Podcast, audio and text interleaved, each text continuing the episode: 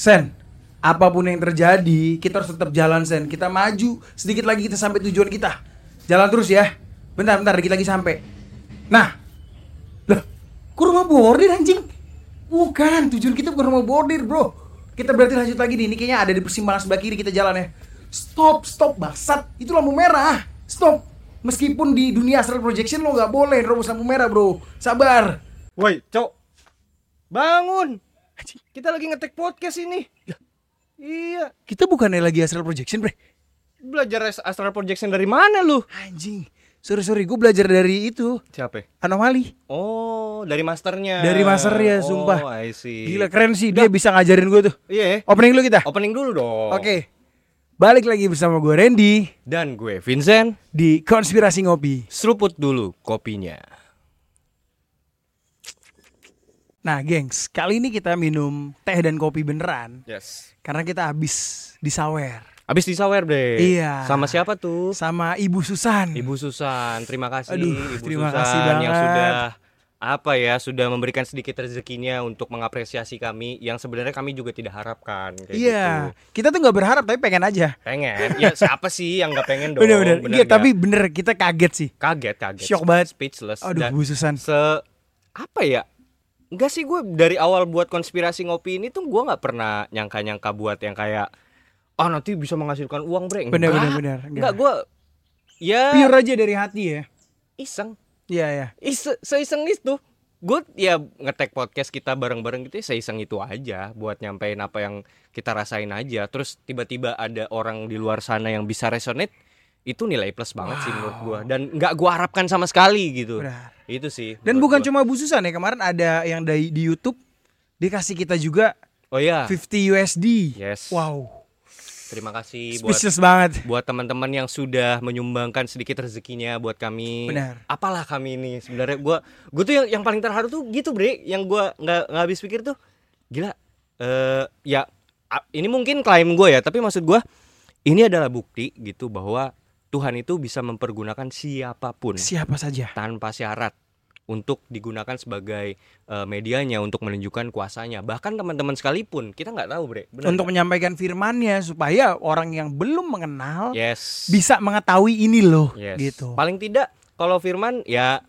eh, paling tidak kuasanya lah. Yes. Jadi paling tidak entah misalnya kalian nih eh, sebagai seorang medis gitu kan, itu kan juga bisa menunjukkan kuasa Tuhan lewat kalian gitu kan. Jadi menurut gua ini jadi encouragement juga sih buat teman-teman bahwasanya jangan pernah merasa diri itu kecil gitu. loh. Iya, Maksudnya mm, ya itu tadi maksudnya Tuhan tuh bisa menggunakan siapa pun yes. gitu. Gitu Dan sih. again and again say thanks to teman ngopi yang sudah Yes. membeli episode kita dan ikut berdonasi Yes. untuk membantu saudara kita di Palestina. Kiranya Tuhan Yes. berkati kalian semua. Amin, amin. Closing kita.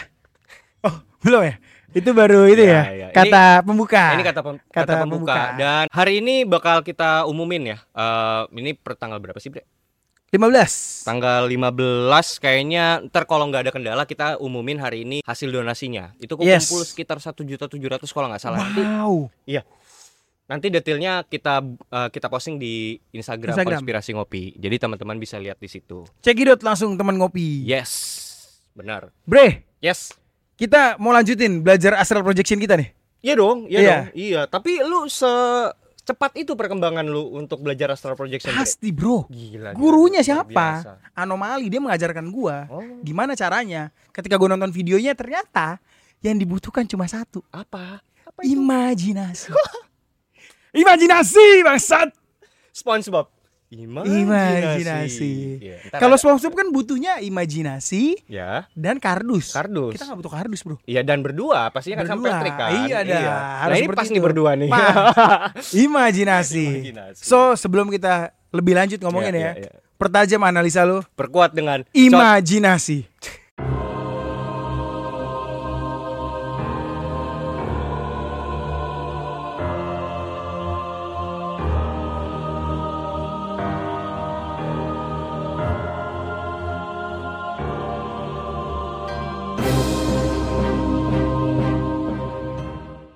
Oke, ternyata ketika gue nonton konten-konten anomali, gue suka itu bre. apa tuh? Iya, jadi cukup menghibur ya. Cukup menghibur, Iya. entertain ya. Eh, iya, sangat sangat mengentertain. Oke, Tadinya oke. kan gua sebel tuh, gue bilang ngapain sih lu so-soan astral projection astral Benar, projection gitu benar, kan. benar, benar. Ternyata seru juga berhayal kayak gitu loh.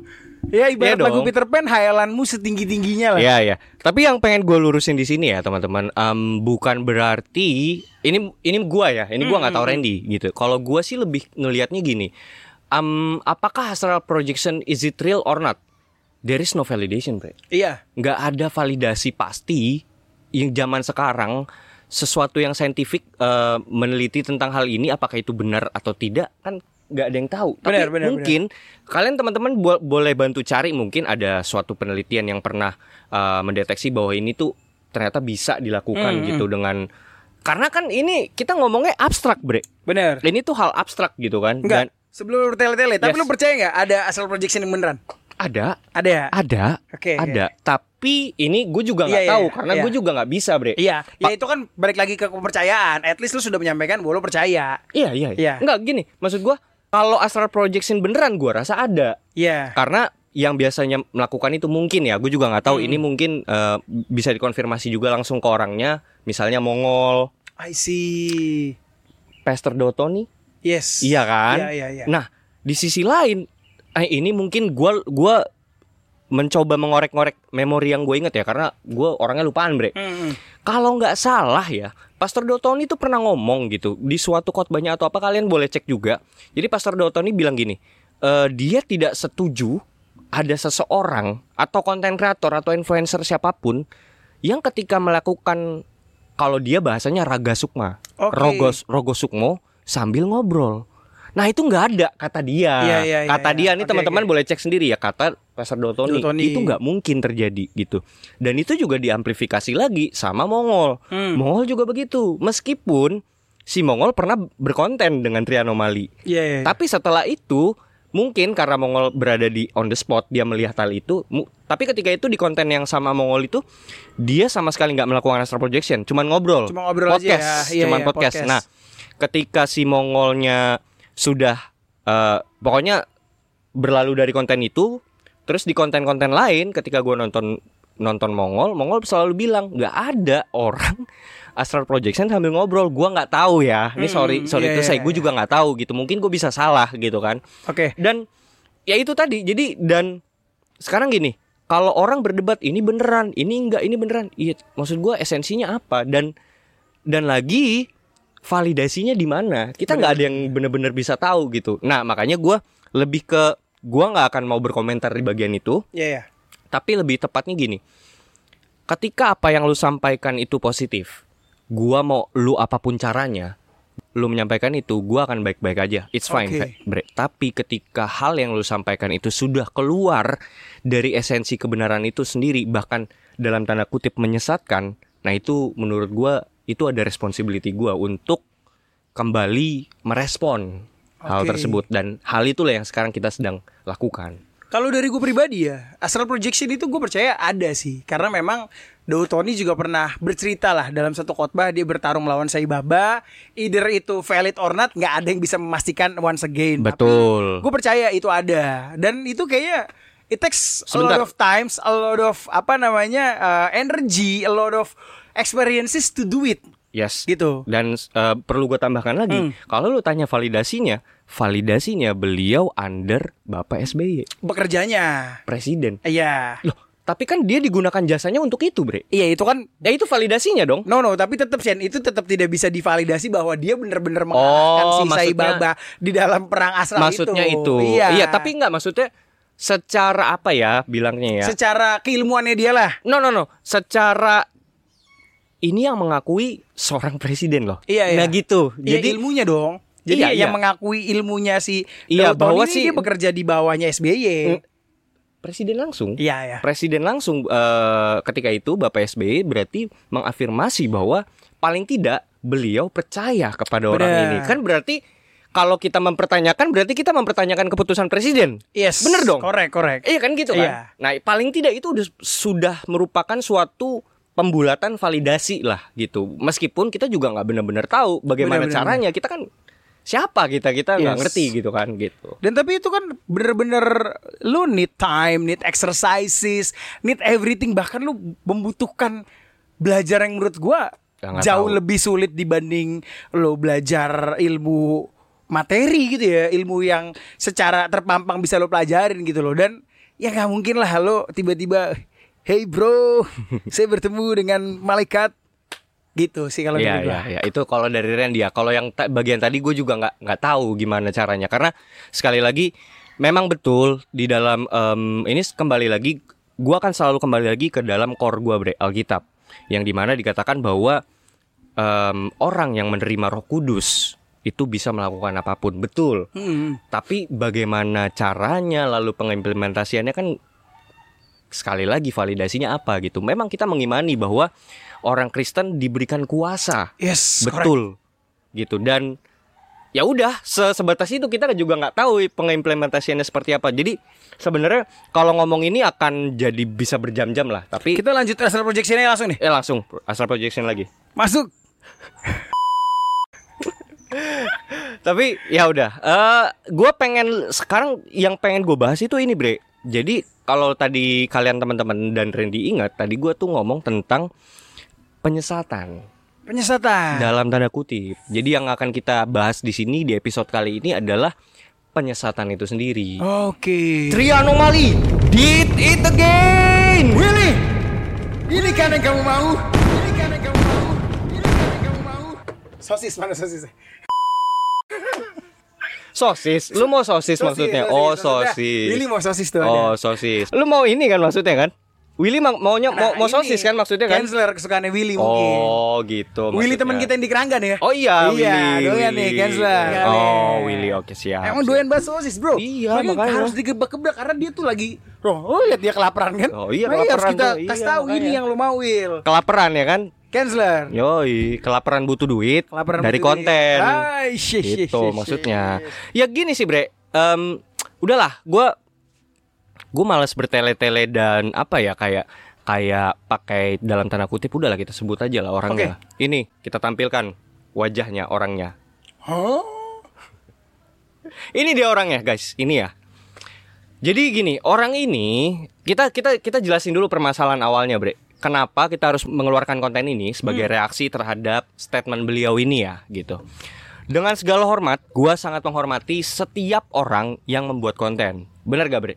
Iya Apa pun itu ya. Apa pun lah. Apa pun itu, meskipun dalam tanda kutip pembodohan ya, yang kayak orang apa tuh namanya tuh bagi-bagiin kok apa jadi pura-pura gembel. Pura-pura gembel Ya, ya nggak apa-apa kan? Nggak apa-apa nyari duit Iya. Sah-sah aja Sah-sah aja. Kan salah yang nonton Iya, iya, Ya. iya, ya nggak apa-apa kan? Nggak apa-apa. Kan gitu kan. Nah, cuman maksud gua tapi orang ini dia ini konteksnya adalah dia bilang bahwa ini belakangan kontennya dia bilang bahwa iblis itu bertobat, Bre katanya. What? Iya, Iblis iblis bisa bertobat katanya gitu. Lucifer Dan I- iblis-iblis lain iblis, pokoknya iblis. Konteksnya iblis bisa bertobat. Nah, berangkat dari situ, menurut lu aja deh, Bre. Kita nggak usah pakai ayat-ayatan dulu. Menurut lu bisa nggak? Ya nggak bisa lah Kenapa? Ya karena iblis itu sudah dikasih Gini Kalau dalam kekristenan ya Yes. Konteks iblis itu adalah malaikat yang jatuh Ah, sorry teman-teman Ini ya. dalam kekristenan ya Nah, makanya gini, eh, kita disclaimer dulu. Ini buat teman-teman semua, kami ini backgroundnya Kristen, jadi kami harus membahas ini dari sisi Kristen ya, Iya. Ya, karena itu di ranah kami Benar. yang kami mengerti. Kami nggak mau ke mana-mana. Ini ini aja dulu. Tidak berani Saya tidak berani ke ranah mana-mana Betul. Dan memang kita tidak capable bre Tidak untuk capable, ngomong itu. Nah, benar. kalau ya ini karena iman kami, jadi kami harus menjelaskan ini. Jadi em, kami mohon izin dulu deh buat teman-teman gitu. Silakan. Iya. Kalau dari gue pribadi ya, jadi iblis itu kan malaikat yang jatuh, yang Hmm. mereka sudah pernah uh, berada di satu lingkungan bersama-sama dengan Allah, menuruti perintah Allah, menuruti firman Allah. Tapi at the end mereka memutuskan untuk menjauhkan diri dari Allah, untuk melawan Allah. Malaikat. Malaikat. Oke. And then how come Mhm. mereka bisa bertobat? Iya. Sedangkan di dalam kitab Wahyu pun, Definisi bertobat dulu deh. ya Apa itu bertobat? menurut gue bertobat adalah lu apa namanya bener-bener menjauhi segala larangannya dan lu bertekun dalam iman kepada dia. Betul. Ya. Betul. Secara action ya, bertobat. Mungkin kalau lebih mudah, kalau menurut gue sendiri bertobat itu adalah ketika lo melakukan kesalahan, lu berjanji tidak akan melakukan kesalahan itu dan lu akan ditebus. Ya. Dalam artian bisa ada pengoreksian diri gitu, yang di mana itu akan dimaklumi dan akan diampuni sama Tuhan. Artinya kan bertobat berarti ada pengampunan. Bener. Nah, menurut gua entitas yang bisa mendapatkan pengampunan cuman manusia. Oke. Loh, Hmm, hmm. entitas malaikat, iblis atau apa pun itu tuh nggak nggak bisa di nggak punya privilege itu. Entitas iblis atau malaikat itu tidak bisa diampuni, bre. Oke. Ketika Tuhan, eh, ketika mereka melakukan kesalahan, which is eh, konteksnya fallen angels, ketika mereka salah, buang. Nggak ada pengampunan. Pengampunan cuma buat siapa? Manusia. Iya. Makanya there is a salvation in human. Lewat siapa? Bener lo Jesus. Itu. Dan balik lagi pada akhir zaman itu kan diberitakan dan di kitab Wahyu itu diceritakan bahwa nantinya si iblis si naga tua itu dia akan berperang melawan malaikat. Hei anomali, kalau iblis pada bertobat, malaikat perang melawan siapa? Iya malaikat dong. perang melawan siapa? Enggak gini loh, maksudnya lo- lo- logiknya aja. Ini tuh bukan kayak divisi yang bisa di reshuffle. Hmm. Ng- Ngerti gak? Maksud gua lu kalau emang gini, konteksnya kenapa mereka disebut iblis? Ini menurut kami ya. Kami harus menjelaskan dari sisi kekristenan kenapa? Kar- kenapa? Karena Trianomali menjelaskan ini juga dengan mengutip-ngutip ayat dari Bener bre, mengutip dari ayat kekristenan. Makanya kita harus meluruskan juga gitu loh. Jangan sampai penyesatan ini jadi merajalela bre. Karena kalau kalian teman-teman lihat di konten terakhirnya, nanti gue tampilin ini konten yang ini, kontennya ya. ini kontennya. Lihat, lihat. Kalian nanti cek di sini, itu komentarnya. Aduh, gue miris bre. Kenapa tuh? Komentarnya positif semua. Serius lo? Iya. Dan berarti apa? Ini orang ini berarti setuju dengan dengan ini. Aduh. Gua Sorry. Tapi itu yang komen buzzer. Nggak tahu ya. Itu Oh. gue juga nggak tahu kan. Oke. Nah, tapi kan maksud gua jangan sampai ini jadi penggiringan opini Hmm. orang membenarkan ini Benar. gitu loh, Bre. Nah, setuju, setuju. itu itu yang jadi Concern ya. tanggung jawab gua, Bre, Hmm. untuk menyampaikan kalau ada yang nggak bener ya kita benerin gitu loh, Bre. Yes. Bener gak? Korek, korek. gitu loh. Nah, makanya gini gini gini. Gua akan kembali lagi ke tadi. Konteksnya iblis itu menurut kami, menurut dalam iman kekristenan, konteksnya iblis itu adalah malaikat yang jatuh jadi iblis. Berarti kan sebelumnya malaikat nih, Yes. benar kan? Nah, kenapa mereka bisa jatuh? Karena dihukum, dihukum.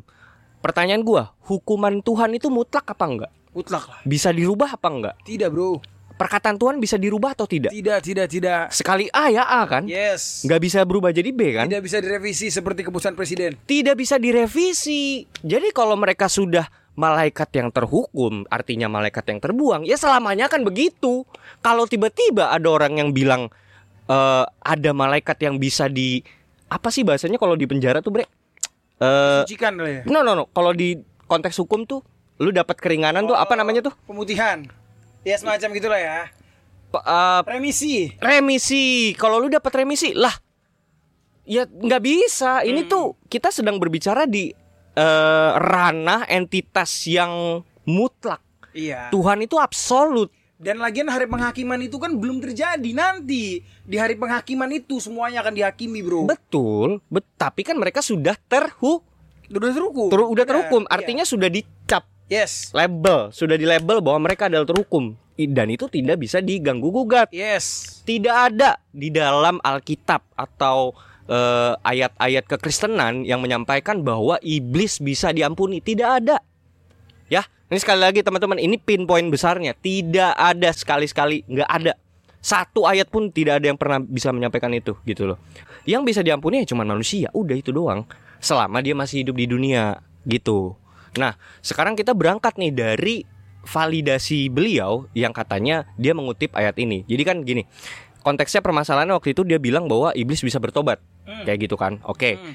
Lalu dia si dia ini orang ini nih, guys, orang ini bilang bahwa iblis itu bisa bertobat kok dari perkataan Tuhan Yesus itu sendiri. Dia bilang kayak gitu, Bre. Tuhan Yesus. Anjir, berani banget nih orang. Coba bacain, Bre, ayatnya. Iya, jadi ini sebenarnya ayat yang dia bawa ya untuk membenarkan perbuatannya. Maka berkatalah Yesus kepadanya. Sorry, gua ini dulu. Matius 4 ayat 10 sampai 11. Maka berkatalah Yesus kepadanya, "Enyahlah, iblis, sebab ada tertulis, engkau harus menyembah Tuhan Allahmu dan hanya kepada Dia sajalah engkau berbakti." Lalu iblis meninggalkan dia dan lihatlah malaikat-malaikat datang melayani Yesus. Itu. Oke, kita berangkat dari ayat ini dan kita be- coba bedah ya teman-teman dari ayat ini. Pertanyaan besar gue bre ke lu bre. Apakah ayat ini berkorelasi dengan permasalahan yang kita sedang bahas ini, yaitu di mana iblis bisa bertobat? Atau gini deh, pertanyaan gampangnya, di mana tertulis bahwa ada iblis bisa bertobat dalam ayat ini secara kontekstual? Tidak ada bro, tidak ada.